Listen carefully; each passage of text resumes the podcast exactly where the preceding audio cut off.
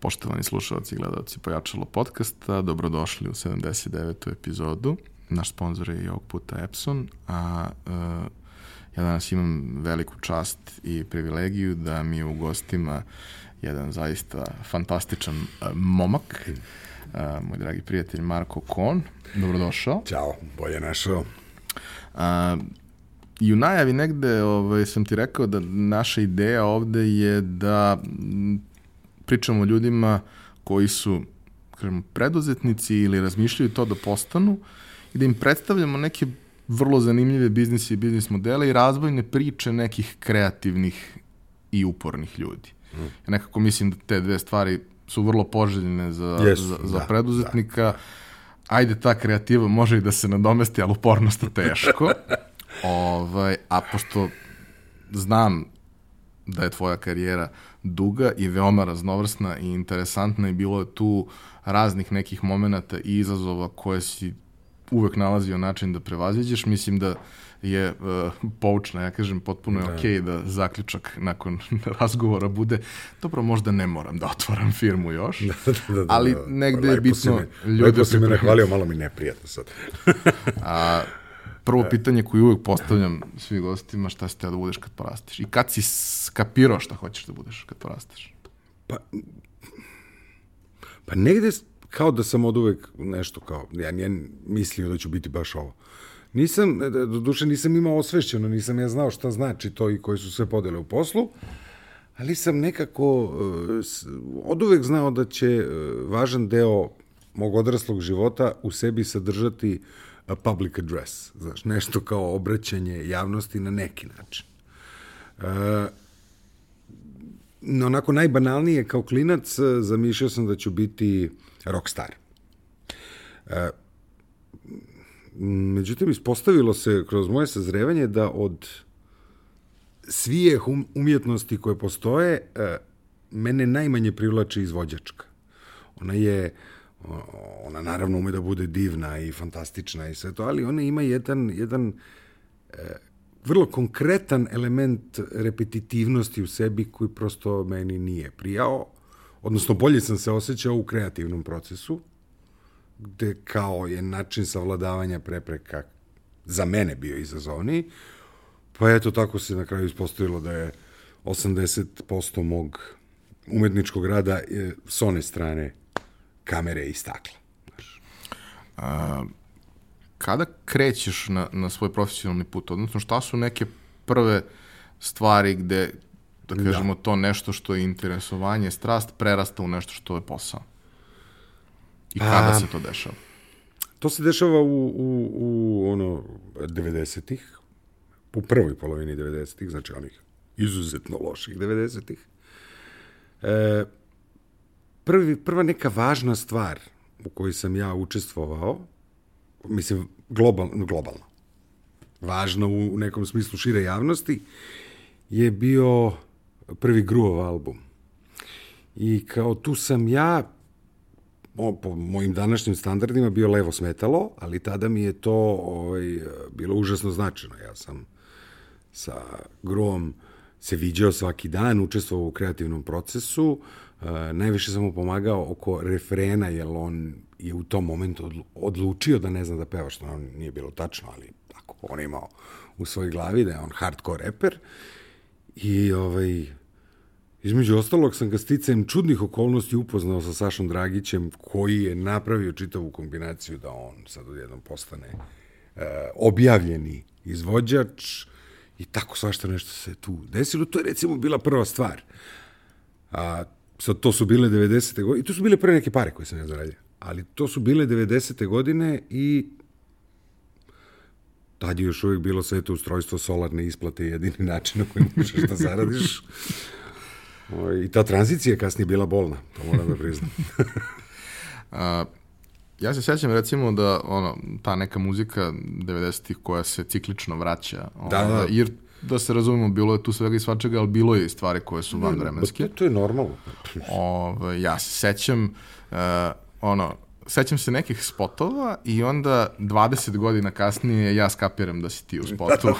Samo izgledaš malo drugačije, imaš kraću kosu Kraću i mlađi kosu, si. i mlađi, tako mršavi i tako i sve ostalo, da. Kako je prosto ono, ta scena izgledala, št- kako je tebi tada kao nekom mladom ko tek ulazi u to sve, kako su izgledali ti ljudi koji su zaista bili van serijske zvezde na ovim Da, da, da, prostorima? da, da. Pa, e, vidi, to su, to su godine strašnih promena, to su tektonski poremećaji u našem društvu su se dogodili u tom nekom periodu. Mi smo do svega par godina pre toga bili jedno, uh, jedno stabilno društvo i, i u jednoj zemlji koja je bila, kakva god da je bila, bila izuzetno stabilna sad ovo zvuči kao užasni paradoks jer se tako stabilna zemlja raspala on kao u param parčad vrlo brzo posle toga, ali makar smo mi imali utisak, kao, kao znale su se stvari, znaš, kao to sad, kao završiš srednje, upišeš faks, zaposliš se, na primjer.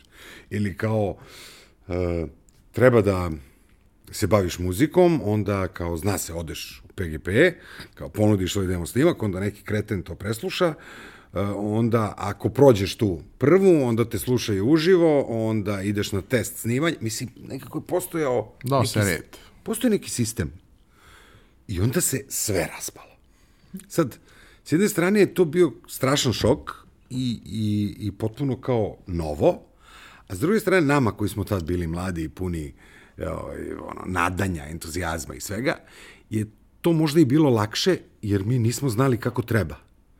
I nama su neke, neke pare koje su postojale i tada u tom poslu, koje su meni kao klincu od 21 godine bile ogromne, a koje su suštinski svim ljudima koji su već dugo u tom poslu bile potpuno smešne, prosto omogućile da mi kao počnemo nešto da zaista radimo za neki novac, jer kao, ne znam, na primjer, kao 500 maraka je meni bilo nedostižan ideal e, užasnog bogatstva spremnog za bahaćenje.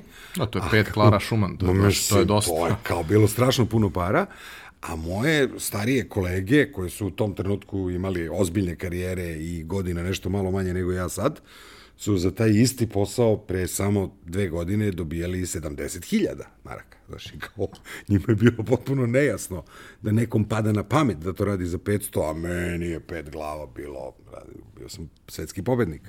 I možda je upravo to kao omogućilo, znaš, mogu da zamislim koliko su oni bili u šoku što se pojavilo nas par klinaca koji za mrvice radimo neki ozbiljan posao. Mislim, verovatno su bili skamenjeni. Meni se nekako čini da je postojalo nekoliko ciklusa, ok, taj je bio naj, uh, da kažem, na neki način najagresivniji, a posle su bili nešto blaži, ali nekoliko ciklusa u kojima kao da se prilično konzervativno muzičko tržište koje je postojalo, se otvaralo i onda su se dešavale neke stvari, pojavljivali su se neki mladi talentovani ljudi, Jest.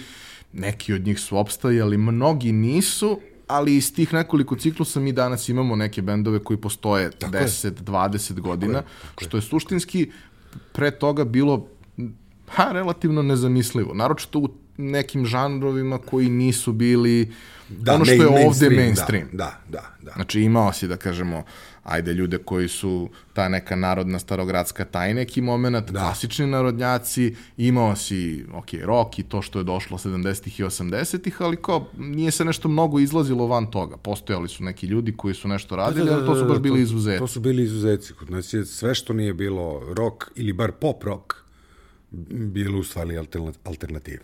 Sve. Nekako mi se čini da taj prostor koji se otvorio i prilika koju ste dobili i prihvatili je učinilo da danas imamo mnogo raznovrsniju ponudu lokalno nego Pa što je jeste, to bio sigurno, slučaj. sigurno se, znaš, dogodila se, a, dogodio se jedan strašan tehnološki, u tom istom periodu, kada se nama ovaj, raspada rodna gruda, se događa strašan tehnološki breakthrough, koji je drugi veliki e, demokratski talas u muzici. Prvi veliki demokratski talas je punk.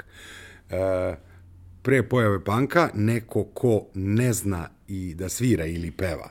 Kad kažem ne zna da svira ili peva, smatram, na, smatram vrhunsko sviranje ili pevanje, uopšte ne mogu da se baviti muzikom. Jasno. I onda se pojavljuje punk koji uslovno rečeno neznanje, ti ljudi naravno znaju i da sviraju i da pevaju, ali ne, ne znaju to da rade na onaj način. Ovaj, odjednom eksplodira nebo, jer to, to na kraju kod uh, klinca koji to prati izaziva reakciju, pa ovo mogu i ja. I istina je, i to je jedan, jedan strašan kreativni naboj, mi još uvek osjećamo efekte pa, panka upravo u tome, u toj, u toj dem, potpunoj demokratizaciji muzike. Ja, ja, ja tvrdim da se pola, pola bendova koje danas smatramo velikim i važnim ne bi desili da se nije dogodio punk, ali ti ljudi nikad ne bi smeli da izađu da sviraju pred druge ljude, jer bi bilo sramota. Da, negde moraš da se asociraš sa nekim. Da, e, ti a bude onda, a onda je stigao taj kao potpuno tehnološki breakthrough, kao, to, kao mali kompjuter sa sekvencerom, gde ti zaista bez eh, preskupog studija možeš nešto. Ne mnogo, ali možeš nešto. I sad to nešto je sad postalo da možeš sve, ali u ono vreme si mogao, mogao, ja se sećam u, u srednjoj školi na Komodoru programa koji se zvao Mikroritam, imao je četiri kanala i mogu sam da programiram bubanj. Imao sam mesta, dakle, za ovaj, nogu, dovoš, eh, hi-hat i open hi-hat. Bio sam u stanju 8 sati da se igram s tim. A, da, da pravim pesmu, ne pravim pesmu, nego nešto tuf, taf, tu, tu, taf, tu, tu, taf, tuf, tu, taf, mislim. Ali, ali je to bilo, mogao sam, pre toga nisam mogao. to je, I onda se sve te stvari su se sklopile. Znači, em imaš tehnološku mogućnost, em imaš pravo, em imaš vremena. I to je naravno dovelo do potpuno kreativne eksplozije u celom svetu. A kod na, i nas je onda zapljusnuo taj talas. A negde imaš i publiku. Naravno, publika je uvek željna zabave. Evo, to možemo baš sada da primetimo. A, I da kažemo, to je neki početak su te godine, kažemo, rane 90. i kasne da, 90. Da. Ti si tad uh, klinac i ulaziš u, u, u industriju koja je u, u, u zamahu. Um, Da, ali pazi, u isto vreme i u zamahu i u raspadu. Znaš, ona se, ona se potpuno raspada. Giganti se raspadaju. Oni ne, prosto ne znaju u novim uslovima, ne mogu da funkcionišu. Znaš, kao PGP ima fabriku vinila i kao ne, ne, ušte ne mogu da se snađu u novim tržišnim uslovima. Pa se dogodi da, ne znam, kao se otvori centro scena, kao potpuno nova izdavačka kuća. Mislim, ja se sećam fabrike vinila PGP, zašto mi je to bila omiljena epizoda Branka Kockice. Da, da. Jer sam proces je potpuno fantastičan. I ja se sećam toga. Svi se sećamo toga. Prodali su je u bescenje. Eto. A, šta je tvoj neki, da kažem, a, obrazovni background da, da uđeš u tu priču? Odakle znanje koje tada nije bilo toliko dostupno kao danas? Danas suštinski Da, danas je danas sve može. sve možeš da naučiš ako si dovoljno posvećen, ako imaš talenta. Kako beše i onaj, ima onaj tip što je naučio da baca koplje na Da, internetu. Da, Julius Jego. Mm. Bio svetski šampion nakon toga. Fenomenalno. Olimpijski vice šampion. A, hm. Ja što se formalnog muzičkog obrazovanja tiče imam uh, jedan završen i jedan nezavršen razred niže muzičke škole Vojislav Učković. imam uh, da, jedan privatni čas gitare kod jednog strašnog genijalca Enesa Mekića. Znači, jedan čas. Mislim, e, bio sam kreten, imbecil, koji kao ja sam došao i želeo sam da sviram heavy metal, a on je naravno krenuo čovjek kako i treba, da me uči osnovama bluza i mislim, mene je to kao, užasno me to nerviralo, ja sam teo da budem heavy metalac, on me terao da budem bluzer i ja nisam teo da odem na drugi čas i evo, 30 godina kasnije ja mogu da ociram ceo taj prvi čas. Sve znam što me naučio. I užasno mi je žao što nisam imao pameti da nastavim. Jer, ali mislim, ko zna, odvelo bi me na neku drugu stranu, možda bi bio sad blues gitarista. Ovaj, e, dakle, što se formalnog muzičkog obrazovanja tiče, ne mogu baš da se podičim nekim strašnim akademskim uspehom. E, I opet sam imao tu sreću, taj tehnološki breakthrough i kao e, veza kompjutera i muzike, jer sam kao i cela generacija, prosto su mi kompjuteri bili jasni od samog početka, od gumenog, znaš, preko Komodora do, ne znam, kao Amige, a pa, znači, kao i redom, pa sve do PC-a. I kao, taj sistem, e, prosto mi je bilo jasno, kao meni command prompt bio toliko jasan, kao, Ja, bilo ti prirodno, to je nešto sa čime si ti odrastao. potpuno jedna prirodna stvar. I onda kad su se kao ti kompjuteri i muzika spojili, onda, a svega malo stariji muzičari od nas, deset godina stariji, njima je to već bilo, mm, i onda kao, znaš, tip koji, koji ne bi hteo da priča sa mnom pre samo par godina, jer kao on svira fenomenalno, a ja tu nešto nemam pojma, je kao dolazio kod mene da mu pomognem, jer ovaj, ja, ovaj mali zna kompjutere.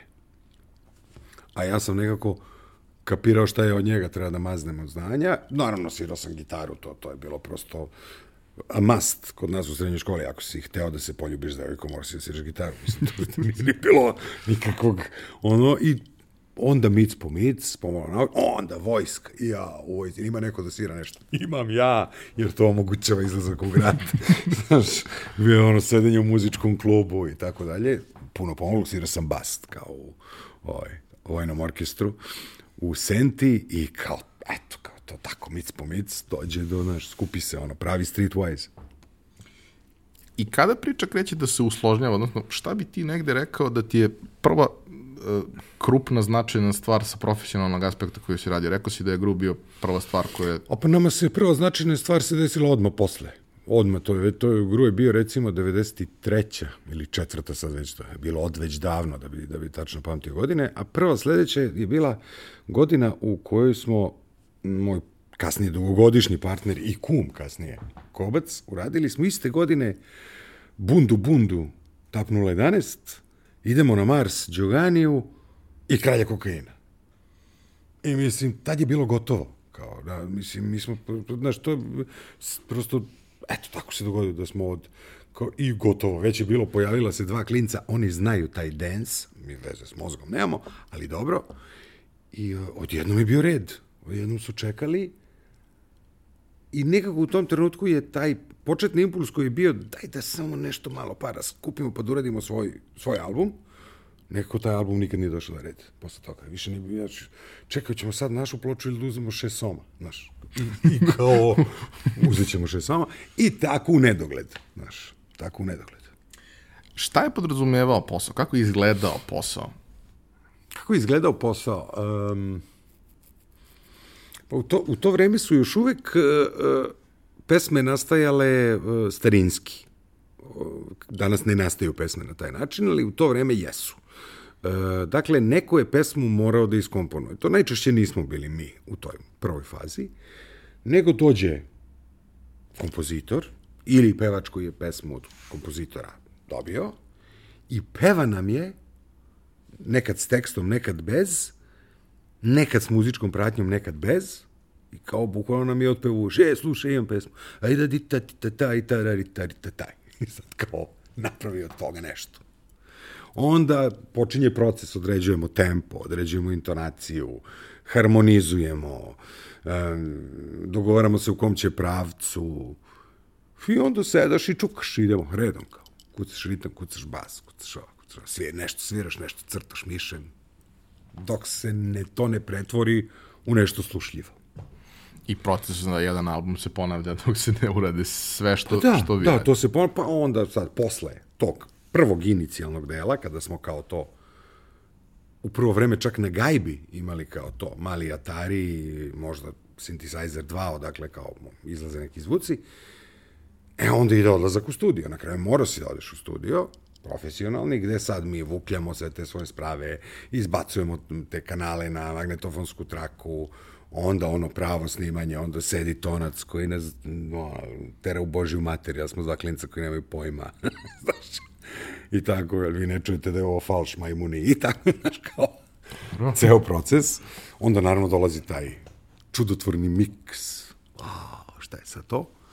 A kao to gde ti praktično određuješ svakom instrumentu i vokalu mesto u finalnoj numeri, Da, sad tu imamo napred, nazad, frekventno, gore, dole, levo, desno. Mislim, svašta nešto se tu dešava i to je jedan mistifikovan i neobjašnjiv proces koji se mora puno naplatiti.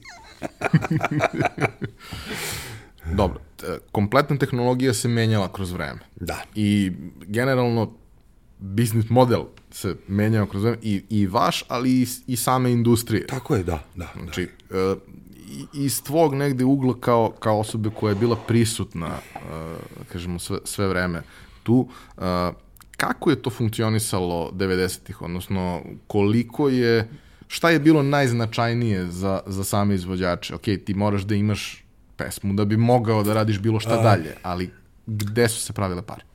Mm, pa osnovna stvar je taj tehnološki proboj koji se dogodio je za početak omogućio uh, a u isto vreme i, i, i um, društveni, društvene promene koje su se dogodile na, ovaj, u bivšoj Jugoslaviji, odnosno sad već možemo da kažemo u tom trenutku smo već bili neki SRJ, je li tako?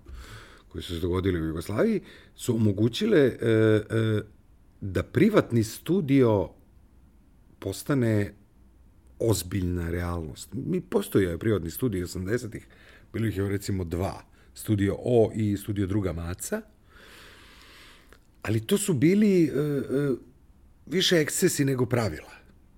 Većina se snimala u studijima, ozbiljnim državnim studijima, koji su zaista bili i akustički i tehnički na mnogo višem nivou od privatnih. A onda se 90-ih prosto postalo je jednostavno da ti otvoriš firmu i budeš direktor. Što, mislim, direktor u SFRJ je značilo da staneš mirno pored tog čovjeka, a onda smo 90-ih svi postali direktori. I kao, um, dogodila se ta stvar da, da je kao to postalo moguće. Uh, u isto vreme se ekonomski sistem države raspao, nije postojala nikakva uh, realna i faktička kontrola prodaje diskova. Drugo, digitalni mediji su omogućili piratizaciju, koja je vrlo jednostavna, jer je prosto bilo jednostavno narezati CD, to je mogo svako, a i neka malo ozbiljnije štamparije CD, malo neozbiljnije štamparije CD, u smislu nešto što će da štampa 100 disko isto vreme, je moglo da se nabavi. Pa je kao osnovni način zarade, prave pare su se uvek pravile prodajom fizičkog nosača zvuka, to je postalo najmanje važno. Jer je kao to, kao piratiz, znaš ti da ispiratizuješ vinil, to bilo nemoguće. Kao kasete da, kasete da, ali su kasete nekako, o, pošto je postojala velika kultura posedovanja vinila, omota, ovoga, onoga i dalje su se ploče. Kad je došao CD, to je prosto postalo kao pirati su bili ono 90% tržišta, pa se u stvari muzika vratila kući. Odnosno, e, e, živo izvođenje je postalo glavni izvor prihoda. Jel ne možeš da ispiratišeš Srđana Moby Dicka. Kao, ako hoćeš da ti Srđan Moby Dick peva kralje kokaina, onda možeš platiš Srđana Moby Dick. Možeš ti platiš nekog drugog da peva kralje kokaina, ali to nije Srđan. I kao, ne možeš da ga ispiratišeš. I onda je prosto to. Živi nastupi, popularne tezge po diskotekama su postale glavni izvor prihoda, uključujući i, što je fantastično, playback nastupe. Jer kao čak nije bilo toliko važno da, da to što dolazi iz zvučnika bude živo, koliko je bilo važno da mi vidimo da je taj izvođač došao ovde kod nas, u naše mesto, da kaže, znaš, dobroveče Vladimirci. Samim tim, dakle, negde nosači zvuka postaju alat za promociju uh mhm. -huh, i, uh mhm, -huh. Mhm. ok, liberalizuje se i tržište televizija, radije i svega. Sve. I to od nečega što je postalo, je. Posta, počinje kao, da kažemo, osnovni izvor prihoda, postaje sada glavni alat za, Tako za promociju. Obrnulo se. Uh, znam da je, recimo, čuvena Queenova turneja Kind of Magic bila promotivnog karaktera ne bi li se povećala prodaja ploča. A sad se okrenulo. Znaš, kao Queen je ulagao u svoje koncerte jer je to znači da će prodati više ploča. A sada smo ploče, odnosno CD, praktično koristili kao promotivni materijal, ne bili svirali što više. Ne, nekako mi se čini da su se ploče vratile. Mislim da se to, to, vraćaju to, određene da, to je sad, to je, to je retro moment. Ploče su super, vraćaju se, to sve ima foru, ali nikad ne neće, nikad neće biti one mainstream i, i glavna prodaja. One su za kolekcionare, ljubitelje i, znaš, poštovaoce. To je nešto, i, i super je to da se razumemo sada više ni nosači zvuka nisu značajni jer postoji digitalna distribucija ne, ne, i to je apsolutno. I to već dugo. To, da. mislim, sad je to potpuno već, ali pa vidi, ja sam bio na Euroviziji pre 11 godina i sedeći u nekom kafiću, neki klijenti su kao to pritičali da se slikaju, da ne znam, ono, i ja sam im izvadio i dao sam im neki CD koji sam imao promotivni. Oni su se skupili, gledali, smejali, i kad su odlazili su mi vratili CD. Bukvalno, ja sam rekao, pa ne, ne, dao sam vam to, oni su me pitali šta da rade s tim. ja to Jer razumem. im je to bila užasna komplikacija. Moraju da grebuju da bi imali na telefonu. Znaš. Ako možeš pošalješ MP3, bilo bi cool. Ne, naravno, naravno. A ko što je sad ostalo u nekim ono, tenderskim procedurama da mora da se kao materijal koji dostavljaš u štampanoj formi mora da se dostavi na CD-u. Kao, Na kom CD-u? Ja nemam računara koji Pa ima ne, CD već ne, 10 ne. godina. Naravno, na kom CD-u. Dobro, zakon vrlo često kasni za tehnologijom i to nije ni čudno. Tehnologija je užasno brza, a zakon je prosto spori, jer mora da se napiše kako treba. Mislim, to je, znaš, to kao, znaš, zato sad imamo onaj član i svi budući poznati i nepoznati mediji znaš, ko, koji će omogućavati distribuciju na bilo koji način. U kom trenutku dolazite do toga da, da otvarate svoj studio i da zaokružujete tu celu priču? Fizički se to dogodilo 2001. a pravno 2007. Šta te od ta dva zanima? A, zanima me prosto kako se posao razvije, odnosno ono, vremenom vi stičete, ok, i, i kontakte, i reference, Da, da, i da, da. znanja, i sve, i sad priča se usložnjava od toga da radite jedan mali segment do toga da ste Da, da, sada da već sposobni da. radite kompleksne stvari. E, fizički smo e, prvi studio otvorili na oruk e, iz situacije što smo imali neki ma klasična fora, neki dupli posao e, i kao neko duplo zakazivanje termina u, u, u studiju koji nam je tada, tada bio ono, studio koji smo najčešće iznajmljivali i kao prosto smo imali neku strašnu, strašan problem s terminima, kako da završimo sve na vreme. I onda je uh, naš tadašnji uh, snimatelj, odnosno tonac, kako je to kao ovaj, se tada govorilo, uh, moj najbolji drug iz prve polovine prošlog veka, Dragan Vukićević Vukša, rođen 49. godine, rekao, čekajte bre ljudi, bre, naprićemo to ovde. E sad, e, e, e, u glavi našoj to studio je bila jedna vrlo ozbiljna stvar, a Vukša je najpoznatiji ošljar, e, ono, kao e, SFRJ, kao to, on je čovjek koji je kao radio, uradio najbolje i najgore snimke na svetu znaš, u, u isto vreme, u iste godine i tako.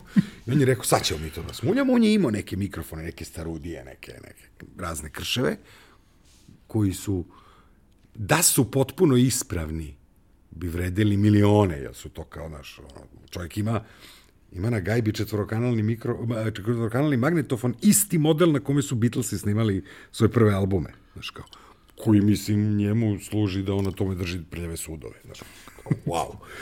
I sad, on je nešto radeće opreme doneo, uh, postavio je neke, nisu to čak ni paravani, nego neke žit, neke cevi je on, vodovodne, od, od vodovodnih cevi napravio neki ram i preko toga prebacio jorgane.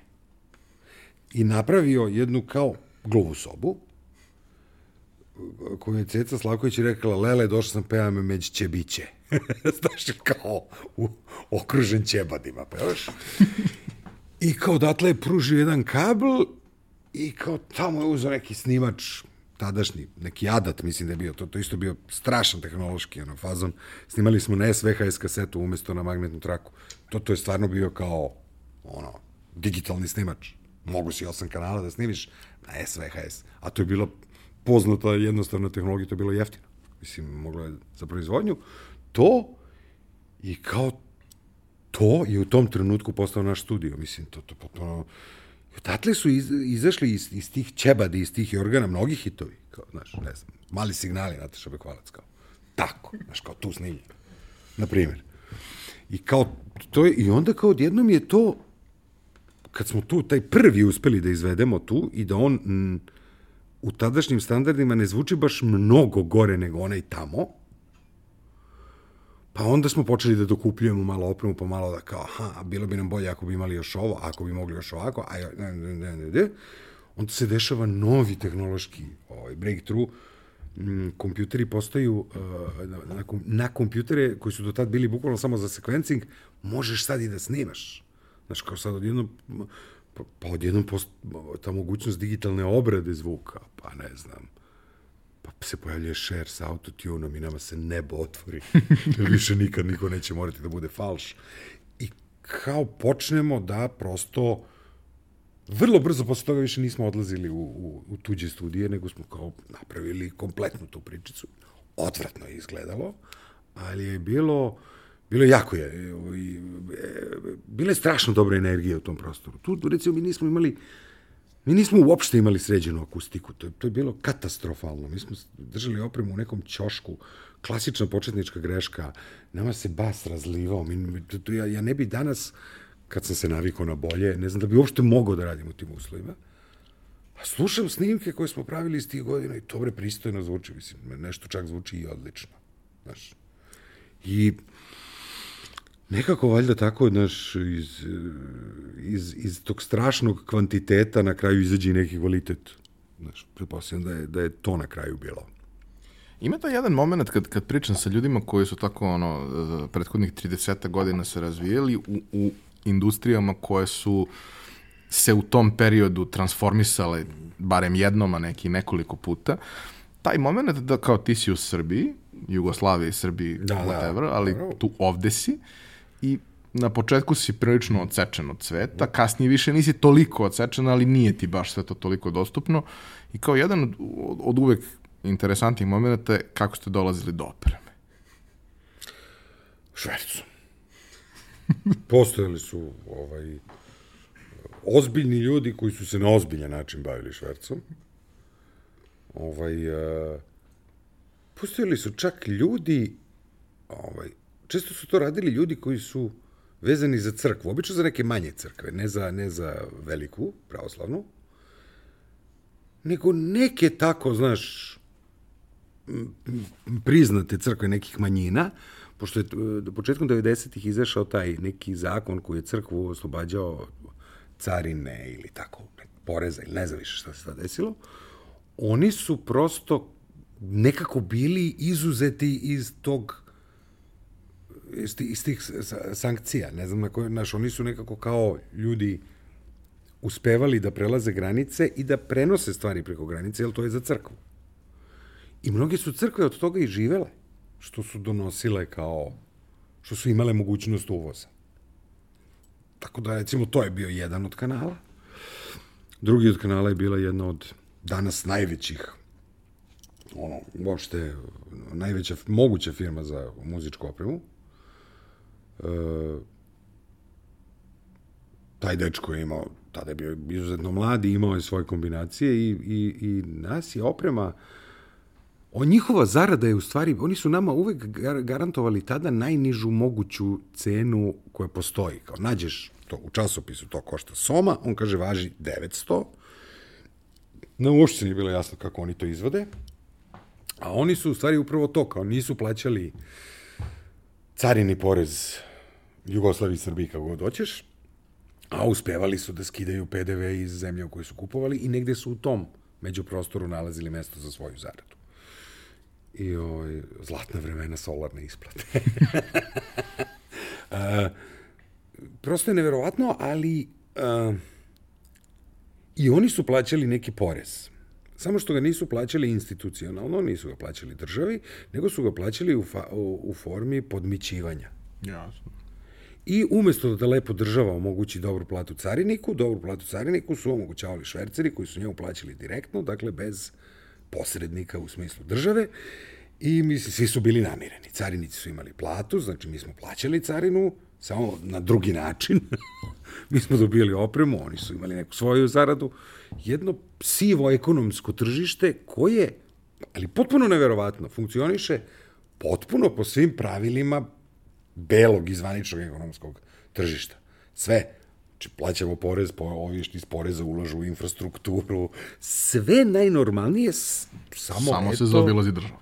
Ne, ne, taj, teo, ceo taj krug, ta, ta, ta, taj trougao ekonomski funkcioniše. Samo eto tako, nije pod kontrolom, pod kontrolom države u tom trenutku. Što znači da na kraju verovatno ekonomski sistem kao sistem, kao, kao, kao, kao naučna grana, on mora da funkcioniše na način na koji funkcioniše, u stvari. Da, nekako uvek se pronađe neki Pronađe put. se, pa nešto. to, mislim, to, znaš, usput nekad možeš platiš malo i panduru, znaš, porez, daš mu platu, kad te zaustavi. No, mislim, to, to su kao, e, ali to je tad bilo normalno. Dobro, ljude su se snalazili i mislim da I to mislim, što ne, su ponovi, se snalazili... ne ponovilo se. Sa druge, s jedne strane ne ponovilo se, jer, jer je, s druge strane, falila upravo, uh, upravo je falila zaštita. Znači, to, to je se, sve se radilo na, na poverenje i na reč, a to je jedna vrlo, ovaj, v, to, to nije baš kategorija u koju se čovjek sme pouzdati. Ali tako su bila pravila Ja, jasno, nekako mislim da ono, to što su nas 90. naučile, ja, ja sam bio klinac, ali nisam baš bio toliko mali, ovaj, Da, da, veliko da smo iskustvo. sposobni da se snađemo i u takvim situacijama, negde, da. negde nas je održalo i kroz sve ovo posle da, što se dešavalo. O da, o da. Velika škola. Ovaj, A, kada e, se stvari menjaju u služavanju, rekao si 2007. to Da, postaje legalizacija, da. ozbiljna, ozbiljna priča. Rešili Šta se smo da- dešava u rešili tom smo da među periodu? Da, obe, da obelimo posle. Pa, među period taj, od 2001. do 2007. je bio onako jedan, uh, jedan uspešan period. To, to je opet period u kome se dogodila, do- dogodila nova društvena promena. Uh, jedna ozbiljna demokratizacija društva, uh, jedan, jedna ozbiljna demokratizacija medija, gde smo odjednom mogli da gledamo što danas deluje potpuno nevjerovatno, ali smo recimo na Pink televiziji imali emisiju Nikad izvini, koja se javno izrugivala političarima na vlasti. I to kakvu emisiju? I to kakvu emisiju. To je dakle, i to onima koji su u tom trenutku bili predsednik, premijer, znaš kao, njih su ismevali, narod je to gledao i bilo nam je okej, okay, znaš. Na istom tom Pinku smo gledali u to vreme Simpsonove, znaš kao, eh, X-Files. Znaš kao, sve to odjednom, znaš, a onda se odjednom polako, između ostalog i zbog društvenih promena, a i ne samo zato, nego i zbog svetskih tokova, odjednom je taj uh, dance, turbo folk je se vratio tamo gde mu je mesto, nikad nije umro, niti će, ali je izašao iz uh, centralnog mesta u mainstreamu, počeo da ide ka margini, a neka druga muzika je počela da ulazi u mainstream. E, 2000. godine su albume izbacili Vlado Georgijev i Željko Joksimović i to su bili to je isto bio tektonski poremećaj na muzičkom nebu, jer su to bili njih dvojica su odlični muzičari, obojica. To, to su bili albumi pre toga su bili e, ritam, sekvenca, energija. A ovo je odjednom bilo puno neke muzike. Nevažno toga da li ti se privatno sviđa, ne sviđa. Bilo puno svirke. Neki dobro odsvirani klaviri, neke gitare, neki živi bubnjevi su se Sećam se tog albuma znaš. Vlade Georgijeva, koliko je on suštinski bio potpuni wow u odnosu na sve Potpuni- ostalo što se potpuni pojavljivalo. Wow, potpuno se Niko nije znao ko je dečko. Kao, da, da, da, da, da, da. Posle se ispostavilo iz priče, ne znam, rođa je pričao da su se oni Jeste, znali jeste, godinama, jeste, nastupali, to je kao, kao on je onaj klinac koji je bio s njim. Ali suštinski ne znaš, Ne, ne, i u roku on od mesec dana Svi smo je slušali. preplavljeno bilo potpuno tom, tom pričom njegovom. I onda su krenuli negde i, i, i, i, i ljudi inspirisani Ne, ne, tim... onda, si, onda je to, taj efekat koji su izazvali njih dvojica, je počeo odjednom da ulazi u sve druge sfere. Onda su odjednom i, i ljudi koji su se bavili potpuno straight kao dance muzikom počeli da da više idu ka popu. Upravo se to recimo desilo s Moby Dickom, kao, koji je kao iz perioda to kralj kokaina, brate prijatelju, d, d, d, d, odjednom počeo da pravi neke Znaš, na, na primjer, ne znam, sećate pesme Ljubomoran sam na vetar, Naravno da koja je najozbiljniji pop, sa ozbiljnom svirkom, sa, sa nekim fantastičnim violinama. Ceo kao, taj znaš, album je I sjajan. ceo album je otišao ka popu. I to je uvek, vidi, to važi dan danas i važi, važit će za 100 godina. A, kada iz jedan žanr u svakom trenutku neki žanr postane jako popularan. E, najveće zvezde koje posti, postižu prave hitove u određenom žanru postaju veliki kada kreću da, kada skreću ka pop muzici. To važi i za narodnjake. Upravo.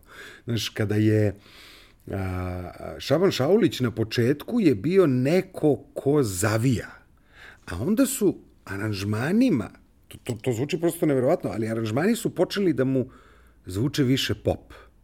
Počeli su te aranžmane tada da rade neki ljudi koji su kao to poštovali, znaš, zvuk bubnja, basa, gitare je vukao na pop, iako su to i dalje bili narodnjaci. I to je od Šabana u tom trenutku potpuno ga odvojilo od svih ostalih. Znači, to važi čak i za narodnjaki. To važi za, uh, za, za, za bukvalno sad trep kao znaš, znaš, kao rasta koji je to kao rep, ludilo, ovo, kada snimi pop pesmu, znaš, ovu Amore, odjednom to postaje značajno. Nekako utisak mi je da je tim približavanjem popu to postaje potencijalno mnogo masovnije. Da. Kao i Šabano, mislim, njegove stvari Ili... sa početka su bile van serijske, Tako ali su nešto što uh, nakon desete rakije slušaš u kafani. Tako je, tako je. A ovo je nešto što možda slušaš kad sediš popodne sa porodicom. Taj mainstream pop koji je kao, svaki, svaki mladi pošteni muzičar se gnuša ovaj, straight popa i mislim, ono, kao samo ne, brate, a, a na kraju je upravo to kao izlazak iz bilo koje alternative, sa bilo koje strane i približavanje mainstreamu pravi veliku zvezdu. To je, to je uputstvo. To, to je bukvalno uputstvo. Znaš, kao ti teraš ono, znaš, jedan fazon kao to, ljuti trep sa mamblom. Onog trenutka kada malo to približiš popu, tad postaješ veliki. Pa to postaje masovno. Pa, Mislim da je taj period ko, koji si opisivao, dakle, od, od 2000. i, i, i demokratizacije društva i opet da. neke da. nove demokratizacije muzike bio vrlo značajan za neke mlade ljude koji su bez daljnjeg imali talenta, znanja i svega, koji su sad videli da mogu da rade ono što oni hoće da rade, a ne ono što bi bilo isključivo društveno prihvatljivo. Mm, ne, od uvek si mogu da radiš tačno ono što, si, što hoćeš. To, to je od uvek moglo. Nego je postojao problem, uh, uh, uh, postoji problem ko će to da sluša. Znaš, a da bi neko to slušao je neophodna demokratizacija društva. Znaš, niko, niko nikad nikog nije sprečavao da radi šta god hoće. Vidi, Iceburns su nastali 90-ih. Jasno. Znaš, kao, to, to je domaći bend koji se, koji je novolicko bio od svetske karijere. Sećam se. Svi se sećamo se. A oni su, ako je iko furao svoj fazan, oni su furali svoj fazan. Znači, njih interesovalo uopšte šta bilo ko misli. A mi smo zna, saznali za njih. A nismo saznali za njih tako što smo kao od ruke do ruke dobili kasetu. Ja sam ih video na televiziji. Mislim, i ti. Znaš, to je kao... Znaš, nego je... Ne, ide se nekad ili nije manjeg otpora, mislim, znaš, malo je nekad lakše biti, ono, da se malo dozvoriš masi. Pa i e, ako si se postavio tako da ti je to odabrana profesija, moraš da razmišljaš i o tome da od toga mora se živi. Da, mislim, to, to, to bolje da ne otvorimo sad tu Pandorinu kutiju, jer to je ovaj, e, sistemi preživljavanja ovaj, muzičara su zaista za dugotrajnu ovaj, obradu i jedan ozbiljan serijal od 100 emisija, znaš, s kukanjem i plakanjem. ovaj, e, 2007. je došao trenutak ovaj, neophodne legalizacije. Tad se već e, društvo ustalilo i sve smo manje bili poluraspad od države i postajali e, normalna država, manje više. I, ovaj, e, I te 2007. Se dogo, su se događale stvari da su se pojavili sponzori na onaj pravi način. Uvijek su postojali neki sponzori i ranije, ali e, to su opet bile, suštinski su to bile muljaže. Mi smo trebali njima zato što su oni trebali nama i onda se tu nešto kao dođe sponsor pa da lovu pa ti mu nešto vratiš pa oni zvuče državne pare, a kao neki sačuvaj Bože sistem. A onda kao, to, meni, verovatno se dogodilo i pre, ali meni se dogodilo 2007. da je ja, kako se dobro sećam, Jukebox se zvala firma koja je napravila saradnju sa Flamingosima, oni su se bavili prodajom ringtonova. To je u to vreme bila jedna onako jedan, jedan značajan format digitalnog, ovaj, digitalne distribucije, da ti pesme zvone, da ti telefon zvoni po pesmama. I o, oni su zvali na jedan sastanak i kao, eto, mi bismo kao to.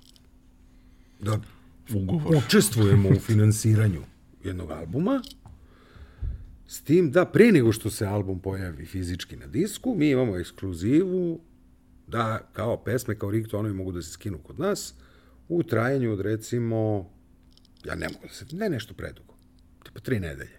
Kao. Znači, izbacite spot, kao, onda mi tri nedelje prodajemo rington, a posle vi izađite s CD-om kao nefrke. I kao super, i kao sad treba ugovor, ko će da potpisuje ugovor, mi se gledamo kao sve jedno, ja kažem, pa sve jedno, kao, evo, kao, ćeš ti Mare, ja kažem, može, oni traže firmu, ja kažem, pa nemam ja kao fizičko lice, oni kao, ha, pa može i kao fizičko lice, znaš, može, nije problem, a mi smo odvojili toliko para, a onda na tebe padaju sve one moguće dažbine koje padaju ako ti to sad tako. I ja shvatim da će od tih para jedan ogroman deo da ode u nešto što će biti moja penzija. I nešto, i kao ček, ček, ček, ljudi, kako ovo, ono. I sećam se jedne izuzetno simpatične starije gospođe iz te firme koja je rekla, sad, će, sad ćete mi da objasni. Da objasni, a kako ćeš ti to da uradiš? I ona me lepo nauči da ja odem u APR i da otvorim ja svoju firmu i lepo ona meni objasni sve pare što ti damo ti možeš da usmeš. Pa to je super. I ja što sam bio ponosan. Pa ja sad napravio firmu, pa registrovano. Sad nisam baš shvatio da ću morati svakog meseca da platim nešto. pa, pa nisam shvatio da ću morati da plaćam i onda kada ovaj, nema uplata. Uh, ali nekako to kao. Došlo je do legalizacije, postali smo kao to. Imali smo račun, primili smo pare na račun, skidali smo pare s računa, plaćali smo lepo poreze, kombinacije, sve je to bilo. I, mislim, manje više od onda, mic po mic, trebalo je par godina da stopostotno poslovanje pređe na na to. Kasnije sam otvorio naravno i DO i tako dalje i tako dalje, ali ovaj, bio je tranzicioni period od jedno par godina da je bilo pola-pola, znaš kao, nešto malo, ti neko tutne u kešiću, što smo to volili. Ali, ovaj, s druge strane, znaš, sad su odjednom postale te stvari, sad odjednom imamo, znaš, kao, imam dokaz o 13-godišnjem kontinuitetu određenog prometa, određenog priliva, određenog... Mislim, to sve znači. Znaš. Ima svoju Sve to dobru ima, stranu. sve to naravno. ima svoju dobru stranu. E, osim, da kažemo, tog dela sa, sa rada sa izvođačima i produkcije, postprodukcije, uh, u kom trenutku krećete da radite i druge stvari i šta su te neke zanimljive, zanimljivi projekti koji su se pojavljivali i zanimljivi projekti koji su, da kažemo, dugoročno postali deo portfolija onog što radite? Pa, to su uglavnom neke televizijske emisije u kojima sam ja najčešće bio muzički urednik ili muzički producent u zavisnosti od potrebe, već je već. Znači, ja sam praktično muzički producent Ami G-a već ne znam koliko godina, u smislu da šta god ima veze s muzikom nekako na kraju završi kod mene. A, radio sam svih pet sezona Pinkovih zvezdica kao glavni muzički producent, to je jedan veliki projekat i značajan. I mislim, tek ćemo za tu decu čuti. Ovaj, tu ima fantastičnih klinaca. Onda naravno filmske muzike, znaš, Mali Budo, pa Jesen samuraja, pa ne znam, pa dokumentarac o Crnjanskom, pa ne znam, svašta nešto, pa razne serije, pa reklame, jao, muzika za reklame, muzika za reklame, muzika za reklame. A, razgovori na gentrifikovanom engleskom jeziku sa account menadžerima. Znaš, I tako, mislim, to su neke, ono, to su sad ti korporativni delovi, kao koji nisu, nisu direktna estrada. U jednom trenutku su oni, je to preuzelo i postalo više od, više od 50% prihoda, pa onda nekad. Nekad malo skoči estrada, nekad malo skoči to. Bilo je godina kad je 80% prihoda izašlo, išlo iz korporativnog, a bilo je kad je svega 20% bilo iz tog dela posla. na neki način, da li ti, osim što su se pojavile prilike koje ste uzeli, ali da li misliš da je to bilo i nešto što ste morali da uradite da bi cela priča opstala, jer je ono što je bilo core business bilo nestabilno i nepredvidljivo? Ne, ne, ne, ne mislim. E, Šta ti je bilo business- motivacija onda? Core business nikad nije nestabilna. Estrada nikad nije nestabilna. Estrada je, e, estrada je jedina grana privrede među Srbljem koja je od uvek funkcionisala po principima liberalne ekonomije. Od uvek. Svedeno na jed, najjednostavniju rečenicu koliko para, toliko muzike. Znači, e, to je bukvalno jedina grana privrede koja potpuno funkcioniše po tom principu. Ti napraviš proizvod i ne postoji nikak, ni- nikakav sistem koji to reguliše. Ako imaš kupca, prodaćeš ga. I, to- I kraj. Znači, ako napraviš hit pesmu, e, moći ćeš da nastupaš. Ako ne napraviš hit pesmu, nećeš moći da nastupaš. Pa da si i bogotac. I e, e, tu, je, tu, tu problemi u smislu nestabilnosti sa strane e, producenta ili ti proizvođača su isključivo u nesposobnosti producenta da se prilagodi trenutnoj e, trenutnom mainstreamu. Dakle, da, u jednom trenutku je e, e, e, Severina strašno važna i svi bi da gledaju Severinu i onda u nekom drugom trenutku ona ne bude toliko važna zato što se promaši par pesama i onda taj čovjek koji pravi te pesme mora podhitno da smisli kako da je vrati.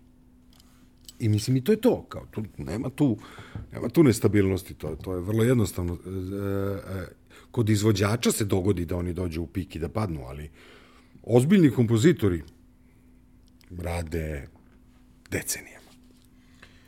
Šta se promenilo, rekao si da su kada ste počinjali pesme nastajale na klasičan način, da sad to više nije baš slučaj. Da. Promenili su se i kanali distribucije i sve, ali ono, 20 godina kasnije, Kreativni proces se strašno promenio.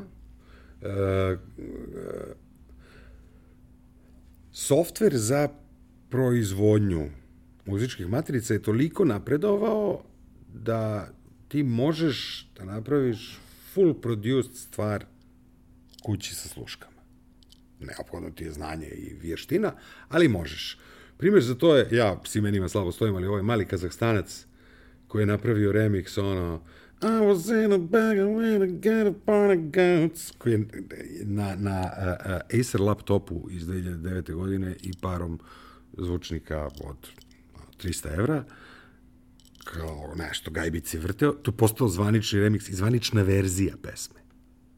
A, stotine miliona pregleda i ne znam, milijardu na Spotify. Znaš kao, gledat se ono, tipa nešto, 19 godina.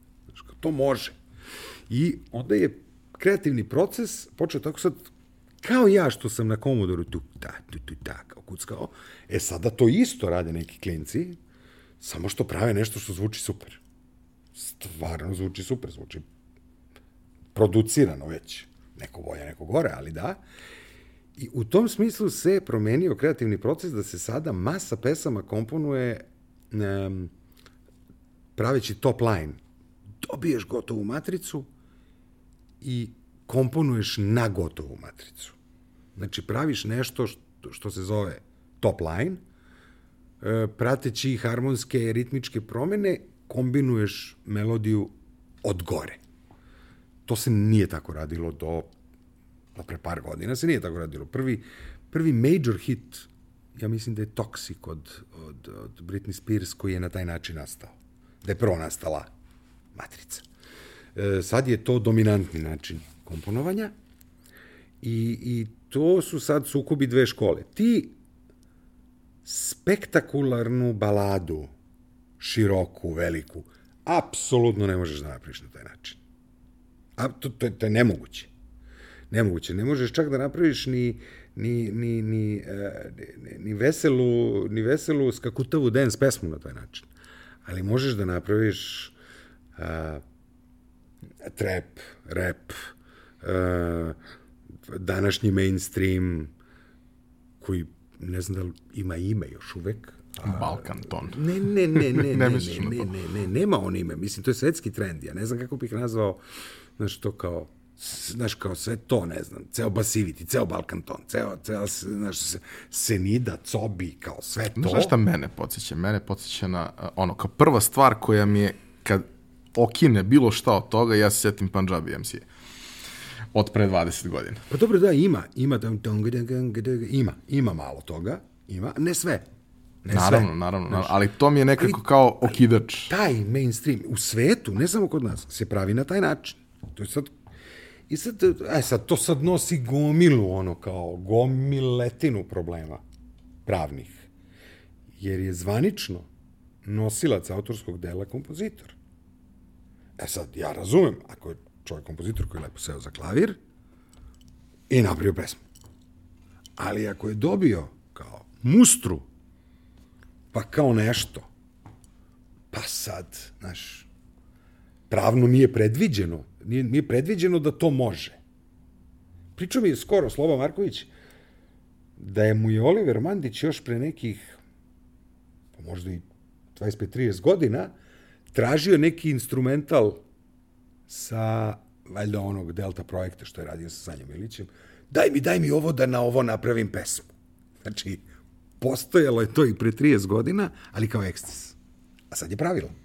Manje više je pravilo. Dobro, i Oliver je u svoje vreme bio 15 godina ispred svog vremena. da ne, mislim, znaš. I sad to je, a, a, sad, znaš, imamo tu jednu pravnu, a, a, pravni sistem, jedan pravni sukob. Ko je sad nosilac tog autorskog dela? Znaš, e, inače stalno postoje ti, te, ta, ta ratovanja, zašto, da li, je, da li je važniji tekst ili je važnija melodija? Da li je, da li je to kao taj tekstopisac koji kad kaže kupio sam novu opremu, podrazumeva svesku i papir, ili aranžer i producent koji kad kaže kupio sam novu opremu, znači da je zavalio 100 soma eura u studiju, znaš? Kao, kako je sad tu važniji za ceo biznis? I tako dalje, i tako dalje. Mislim, to su sad već ono, ozbiljni problemi kaste, struke. 2020. godina m, suštinski više nosači zvuka ne postoje, digitalna distribucija sa jedne strane kroz ono audio streaming, sa druge Da. strane suštinski kroz video streaming. Tako je. Mnogo toga se promenilo, a, a promenilo se i u tvom pristupu poslu. Da, Da si nakon godina ono, uh, pa kažemo, uh, uslužne delatnosti Da, da, da. prešao u nešto što je, što je malo drugačije. O čemu Pa je da, reč? pa mislim, tu prosto smo pre dve, dve i po godine možda e, odlučili da uđemo u neku novu avanturu, da probamo da kontrolišemo svaki aspekt posla, upravo to, da zamenimo priču, da umesto da ovaj, izvođači ili ti kompozitori angažuju mene, da angažujem ja njih. I da napravimo neki a, biznis model u kome će se stvari vratiti na suštinski način koji se pokazao kroz proteklih 70 godina kao ipak e, fa, e, onaj koji najbolje funkcioniše u ekonomskom smislu, a to je da a, a, nosilac prava na snimak kontroliše ceo biznis. Sad to, opet, moram jedno kratko pravno objašnjenje. Mi imamo autorsko pravo gde imamo kompozitora, tekstopisca i aranžera kao nosioce autorskog dela. To je jedno neotuđivo moralno pravo. I imamo vlasnika snimka. Vlasnik snimka je onaj ko je uložio u snimanje. Dakle, vlasnik snimka može biti pevač koji plati, može biti izdavačka kuća koja plati, može biti studio koji plati, ali onaj ko je proizveo snimak, on takođe nosi određena prava. E, a onda ide vlasnik nosača zvuka koji ima pa svoja prava. E sad, u, u ce, celom biznisu je taj vlasnik snimka, što je najčešće bila izdavačka kuća, praktično kontrolisao ceo biznis. Odlučivao uh, ko će šta pevati, ko će gde pevati, ko će svirati, ko će komponovati, ko će pisati tekst, eh, praktično jedno, jedno korporativno viđenje stvari. I ja sam uh, odlučio pre par godina da probamo na taj način i to mogu da kažem da se za sad ispostavilo onako vrlo, vrlo efikasno. prvi veliki projekat nam je Anđelina, Pile moje, po toj pesmi najčešće znaju, mada ona već ima nekih svojih 15 pesama smo već izdali. Sve su milioni pregleda, sve su, ono, imamo dve pesme nam imaju milion, uh, milion streamova na Spotify-u, što uopšte je loš podatak. Uh, ona ima redovne nastupe, čak ima dve vrste nastupa, uf, malo sam čuknuo mikrofon, bit će malo b. Ovaj, ima, ima dve vrste nastupa, ima akustični nastup koji je stvarno jedno fantastično iskustvo. Mislim, ona i gitarista Miki izvode gomiletinu domaćih i svetskih hitova u takvim obradama koje, koje nikad niste čuli. I to je potpuno fantastično. I ima naravno ovaj nastup za dizanje ruku u vis i znojena tela koje se trljaju jedno od drugo, ali sad malo smo sa tim. Ovaj, će da popričakamo dok se vratimo na ovaj, tu vrstu nastupa. Ali eto, kao iza toga smo potpisali još e, nekoliko izvođača. Uskoro treba da nam izađe prvi, prvi spot Teodore Tare, koja je imala duet sa Anđelinom, koji isto ima nešto preko 10 miliona pregleda, na, samo na YouTube-u. Ovaj, njen prvi sledeći spot izađe, izlazi uskoro. Mislim da će to isto biti onako jedan, jedan ozbiljan breakthrough. Konačno imamo female rap artist koji je apsolutno na svetskom nivou. Mislim, ta devojka bi, uh, samo da je rođena uh, negde drugde, ozbiljno kidala svetskom scenom. Uopšte nema greške. Ovaj, na engleskom repu je kao da je ono iz Bronxa, a na srpskom je to spektakl. A na srpskom kao da iskotež. da, da, da, da. Ne, ne, ubi, ubi. A, ulazak u tako neku priču podrazumeva da ti izvan onoga što radiš, što radiš godinama, mm. moraš naučiš gomilu nekih novih stvari. O da. Da, pravnih, ekonomskih, knjigovodstvenih, ovaj, borba sa propisima koji mi nikad neće biti jasni zašto su takvi kad je logičnije da budu onakvi.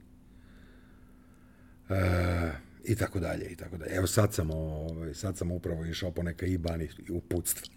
Znaš, što kao, gledam onaj papir, gleda on mene. A kako izgleda saradnja sa platformom? Jao, to isto je nešto što meni apsolutno nije jasno. Posto, ovaj, platforme su užasno bezobrazne. Ovaj, jako, jako mali procenat se daje vlasnicima snimka, vlasnicima autorskog prava i vlasnicima izvođačkog prava. Neukusno su mali procenti. To, to, je, to je prosto, prosto je uvredljivo. Ali to su tako veliki sistemi da ti protiv njih ne možeš ništa. A negde na količinu juriš novac. Pa da, ali mislim, znaš, kao, ok, pričamo o milion preslušavanja, znaš, kao milion. Milion je ogroman broj, znaš, kao, u, u SFRJ je milion ploča tvrde jedno četiri izvođača da su uspeli da prodaju milion ploča, ali nisam siguran da je Iko zaista uspeo. Daniel Đuli, Brena Jugoslovenka, uh, Pljuni i zapjeva i Bijelo dugme i mislim da čak četvrti i nema, ili ja ne mogu da se setim sad. Znači, to je milion. Znaš, a kao milion uh, na Spotify-u vredi pa, jedva četiri soma. kao, I sad je to, znaš, a milion na Spotify-u ima svega Ne, mislim, to, to kao, to, to je vrlo konačan spisak, kao koji možemo da napravimo i da ga zapamtiš, ono, kao, mislim, znaš. Ne, na svim streaming platformama ti negde, od, na streaming platformama, mimo YouTube-a, to je nešto što slušaju korisnici koji su platili nekakvu pretplatu. Tako je. Na YouTube-u, ok, ti napraviš 5, 10, 20, 50 i tu postoji isto neka matematika koja za Srbiju baš nije sjajna, nije ali, sjajna. ali bože moj. Nije ali jeste otvoreno i ti jeste negde otvoreno. možeš da, da razvijaš jeste, priču. Jeste otvoreno, ali ja, znaš, mislim, oni su toliko veliki da kao ti sa njima nemaš, ne, nema pregovora, kao, mislim, to kao, ukoliko si uploadovao snimak, pristo si na sve naše uslove. I sad, šta ćeš? To, odri, odričem se, se sotone i... Sagneš se i kažeš, Da. Mislim, jer on, nemaju oni ništa protiv da ti probaš bez njih. Kao, Jer Aha. oni bez tebe mogu. Da. E, okolnosti su takve kakve su i vidi. A, opet ima ljudi koji od muzike jako lepo žive i na svetskom i na domaćem planu. Znaš, tako da, to kao mogu ja da se žalim do sutra što nije drugačije, ali tako je kako je, pa ajmo ja rane. A na neki način, verujem mi da kako priča raste, tako se menja pregovaračka pozicija. Pa da, s tim što mislim da što se tiče streaming platformi, nema pregovaračke pozicije. Uopšte ne postoji. Mislim da ne postoji opcija. Bar ne za nas. Možda, i, možda postoji za, ne znam, kao, ono, Lady Gaga. Ili za tržište Nemačke, UK. To, ja. to, to, to. Kao, mislim da smo mi, ono, znaš, kao, Da budemo srećni da, i da, ovo da što budemo je. srećni što, što nam dadoše da budemo na njihovoj platformi, znaš.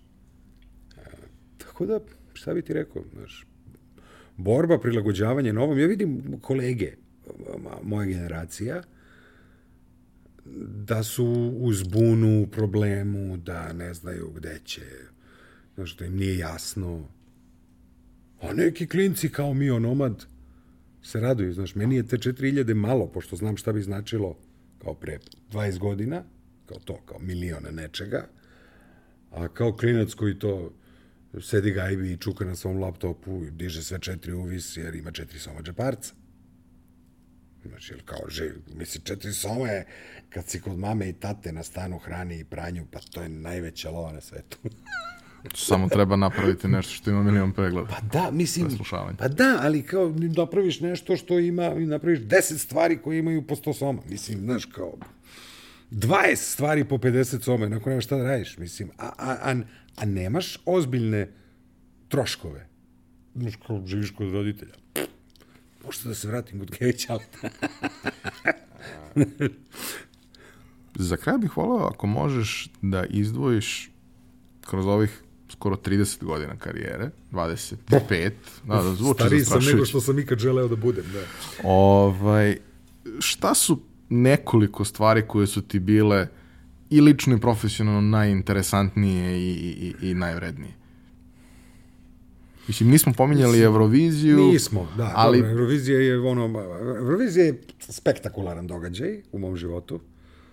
Ovaj, e, to znaš, kao snimio sam jednu pesmu, otišao na Euroviziju i završio nikad nisam snimao, znaš, kao nema potrebe. Ovaj, e, e, na početku sam rekao da izvođačka umetnost nije ono što je mene najviše privlačilo. E, s jedne strane, tih e, dva meseca od Beovizije do Eurovizije je bilo potpuni ono, emotivni roller coaster. S druge strane, sam hteo da eksplodiram koliko puta sam morao da vežbam pevanje i ples na sobstvenu pesmu da mi se ogadila, znaš. A jedno vreme nisam mogao da je čujem, sad je naravno opet volim, jel kao, znaš, ima ono vraćanje u, u kao taj period života, a s druge strane taj život bio ludilo, to kao to, to, to imaš, naročito kada sletiš kao tamo gde, gde je event, tamo imaš apsolutni ono star treatment od početka do kraja, to kao svi ti se klanjaju do poda, fanovi se slikaju, svi te vole, plaču, malo vrište kad te vidi. Znači, ludilo mozga, potpuno ono, potpuno ne, neopisivo. Ko ostane normalan ovaj, posle Eurovizije, taj suštinski lud. Znaš, ali ovaj, to, to nije moj poziv. Ja nikad nisam zarađivao pevanjem, javnim nastupom i kao nikad sebe nisam smatrao pevačem u tom smislu, da mi je to profesija. Kao eto. Iako sam otpevao pratećih vokala, ono, hiljade i hiljade, iz klekova. Znaš. Ali da, jeste, Eurovizija je značajan ono, doživljaju i događaj u mom životu. Najžalije mi je od svega što su se moje deca rodila prekasno da bi, to mogla da vide. Znaš, ali moje, eto, valjda će da postanu ti snimci, ono, kad oni dođu u godine, da shvate koliko je to bilo veliko. Ovaj, uh, prva muzika za film koju sam radio još 94. za, za film Paket aranžman za priču Herc minuta Srdana Golubovića i onda ogromna pauza sve do malog bude. Ovaj, jer Budiša je ono jedan od mojih omiljenih projekata kao to, kao, kao to, to radeći muziku za Budu. A imao si ulogu? Imao sam i ulogu, da, ulogu. Ovaj, ali radeći Muse je kao to, je, znaš, potpuno, znaš, to, to, to je sad, e, filmska muzika i uopšte primenjena muzika ima jednu, uh, jedan element slobode koji nemaš u estradnoj muzici, a to je, apsolutno je postoji imperativ da to bude hit. Znaš, to, to nema. Ne treba da bude hit, ona treba da bude filmska muzika. I onda si odjednom oslobođen jednog prestrašnog bremena. Znaš, kao, kako će ovo narodu da se svidi? Uopšte nije važno kako će narodu da se svidi, jer je u funkciji. I evo, taj proces je divan. Znaš, I onda, sećam se kao to komunikacije s rediteljem, koji mi je rekao samo, ja volim muziku 80-ih, ono, volim synth pop 80-ih, tako mi nešto. I ako jes, konačno ono nešto s čim sam rasto.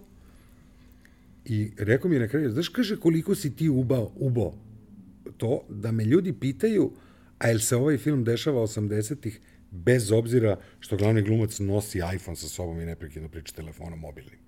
Znači, toliko je ta atmosfera što smo dobili tom muzikom, da ih navlači da se, da se film de facto dešava 80-ih. Znaš, to je genijalna stvar, ono, kao, super, ono, je, kako, kako bih rekao, baš pohvala kakvu sam od uvek želeo.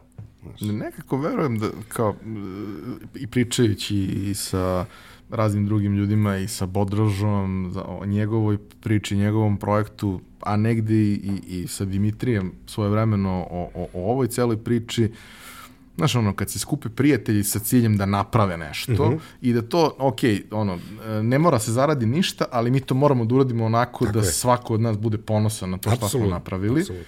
I na kraju, ok, to se i zavrtelo, imalo je jako veliku gledanost, vratilo je svoju investiciju i sve ostalo i omogućilo da se priča Snim, nastavi kroz, film, kroz sve da. dalje. Ali nekako mislim da taj moment gde ono kao uh, postoji imperativ da se to uradi sjajno, a ne postoji pritisak da sad ti kao radiš za klijente. Ne, ne, ne, radiš sa prijateljima tako je, tako i svi se vi suštinski razumete. Tako je. Da to onako čini... Pa kako da ne, to, ovaj, to, tako smo od uvek zamišljali da će izgledati ovaj posao. Znaš. Ajde mi super da se zezamo, a, ovaj, a da pare dođu same. Znaš, da mi radimo šta volimo, a da, postoji nek, da postoje neki ljudi koji će to rado platiti. I to je na kraju jedini pravi način. Mislim, uh, kogod je pokušao da napravi hit, taj se usro. Hit se desi. To mora, to, to je, to je ono, znaš, kad se pogode energije, trenutak, moment, vizionarstvo, to, to su stvari koje kao, znaš, puno pomaže zanat, puno pomaže, znaš, ima to kao radiš na inspiraciju i radiš na koncentraciju. Puno pomaže koncentracija. Ali prave velike stvari dolaze inspiracijom. Ili imaš neki projekat? Nešto što ti je bilo posebno interesantno? Jo, sad ako, mislim, ne znam, nećemo završiti nikada ako krenem šta je meni sve bilo posebno interesantno u životu. Sve novo mi je posebno interesantno. Znači, ako onaj Ford, volim novo auto. Znači, me nešto novo, mene to loži. Ja se sećam... Sad, izvini, sad radim muziku za neki češki science fiction i to mi je ludilo. Wow. Izvuči, izvuči Ludilo. tako. Sećam se, uh, bio sam do tebe u studiju sa, sa zajedničkim prijateljima, nešto, i, i tada si mi rekao da ste radili neku dosta ozbiljnu sinhronizaciju mm -hmm. i da ti je to bilo beskreno zanimljivo zato što, ono, mislim, nije to sad kao radiš da bi se to, ne znam, vrtalo, ono, sinhronizacija neke serije za dete, šta god. Ne, nego kao bio u pitanju veoma ozbiljan da. crtani film, ozbiljno produciran i sad i sinhronizacija treba da prati taj neki o, da. ludilo visok da, standard. Puno, puno sinhronizacije sam radio kao, kao producent, nešto malo manje kao glumac. Uglavnom, uh, filmove po poslednjih, pa ne znam, nema deset, ali 7-8 godina, svi filmovi, filmovi, filmovi Dreamworksa, Foxa, Blue Sky-a, što i poneki Disney, ovaj, su kao to prolazili manje više tu nekako. Imao sam neke veze s tim. E, sinhronizacija na način na koji se radi danas. Jedan ozbiljan, ozbiljan, ozbiljan posao izuzetno kreativno zahtevan i izuzetno tehnički zahtevan. To je... A, Znaš, to rade ozbiljni profesionalci na zapadu i to nema sebancije. Znaš, to, oni idu u detalje nezamislive. Znaš, to, do toga da kao su nam vraćali snimak sa tačnom konstatacijom, čini nam se da je glumac u ovom trenutku seo. Znaš, no, oni to čuju, znaš, na stranom jeziku. Znaš, aj tačno je, Vujke je slomio nogu i snimali smo neku scenu. Vujke je fantastičan glumac, mislim. I kao on je sa slomljenom nogom da baš ne stoji, smo mu dali jednu barsku stolicu i on je glasovno odglumio tu scenu. Rekli ste, čini nam se da sedi, nešto nije u redu s položajem dijafragame. Znaš, mi smo ostali potpuno zabezeknuti da to neko može da čuje na jeziku koji ne razume takvu tananu. Možda pomaže što ne razume jezik. Možda, možda, ne znam, znaš, to, to, to je tako neka tanana razlika koju su oni kao, i kao nema, nema tu zezanja, znaš, kao to se radi kako se radi, ili će neko drugi da radi umesto tebe. I jednu stvar su nas naučili.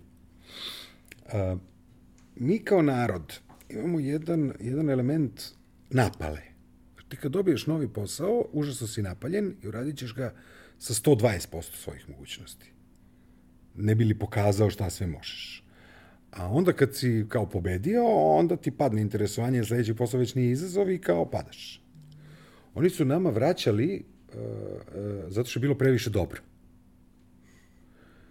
I uh, rekli su nam ne, nama treba 85% vaših mogućnosti, ali uvek. Bez mrdanja.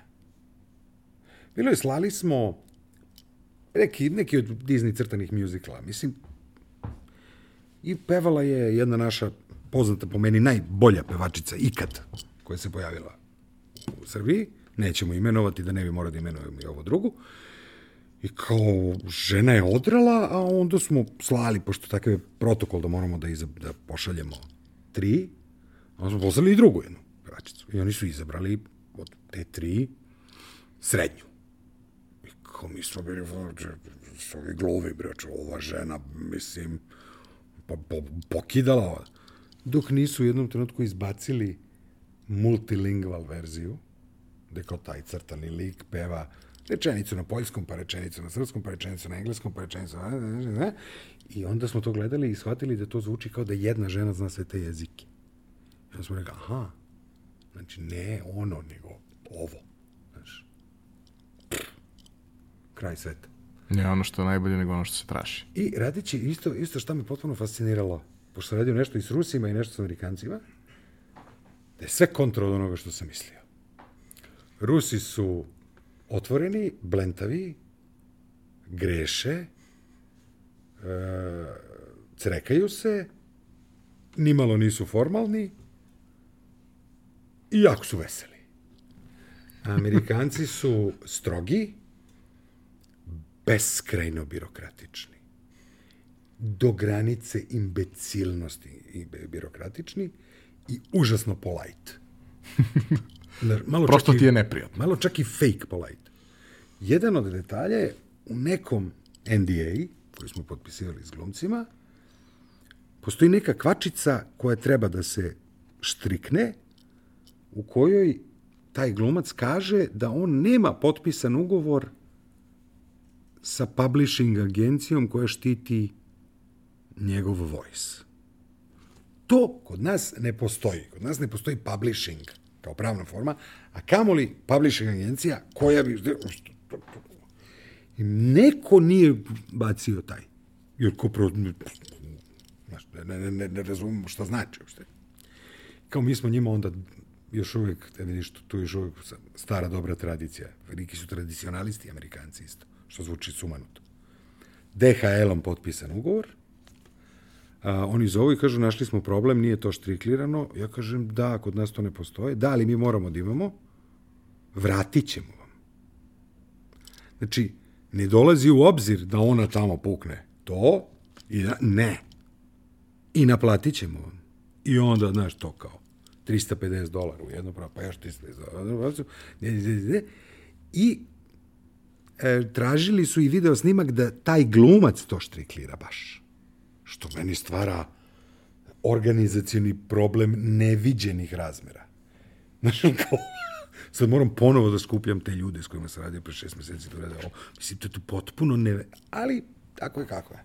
A Rusi su jednom prilikom zakazali snimanje neke velike serije i postavili set i, za, i zaboravili su da uzmu radnu vizu bre za dvoje glavnih glumaca i pa ništa. Doćemo za tri nedelje. Ali ljudi, kao ovo mora se platiti, pa plaćamo. Da.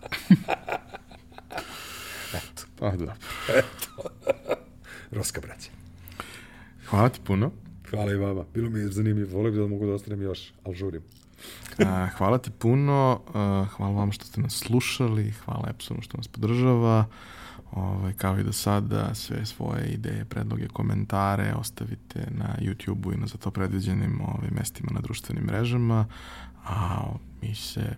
Ja bih zamolio da bude što manje negativnih komentara u vezi meni, ja sam na to osetljiv. And on that bombshell. A, mi se čujemo i vidimo sledeće nedelje.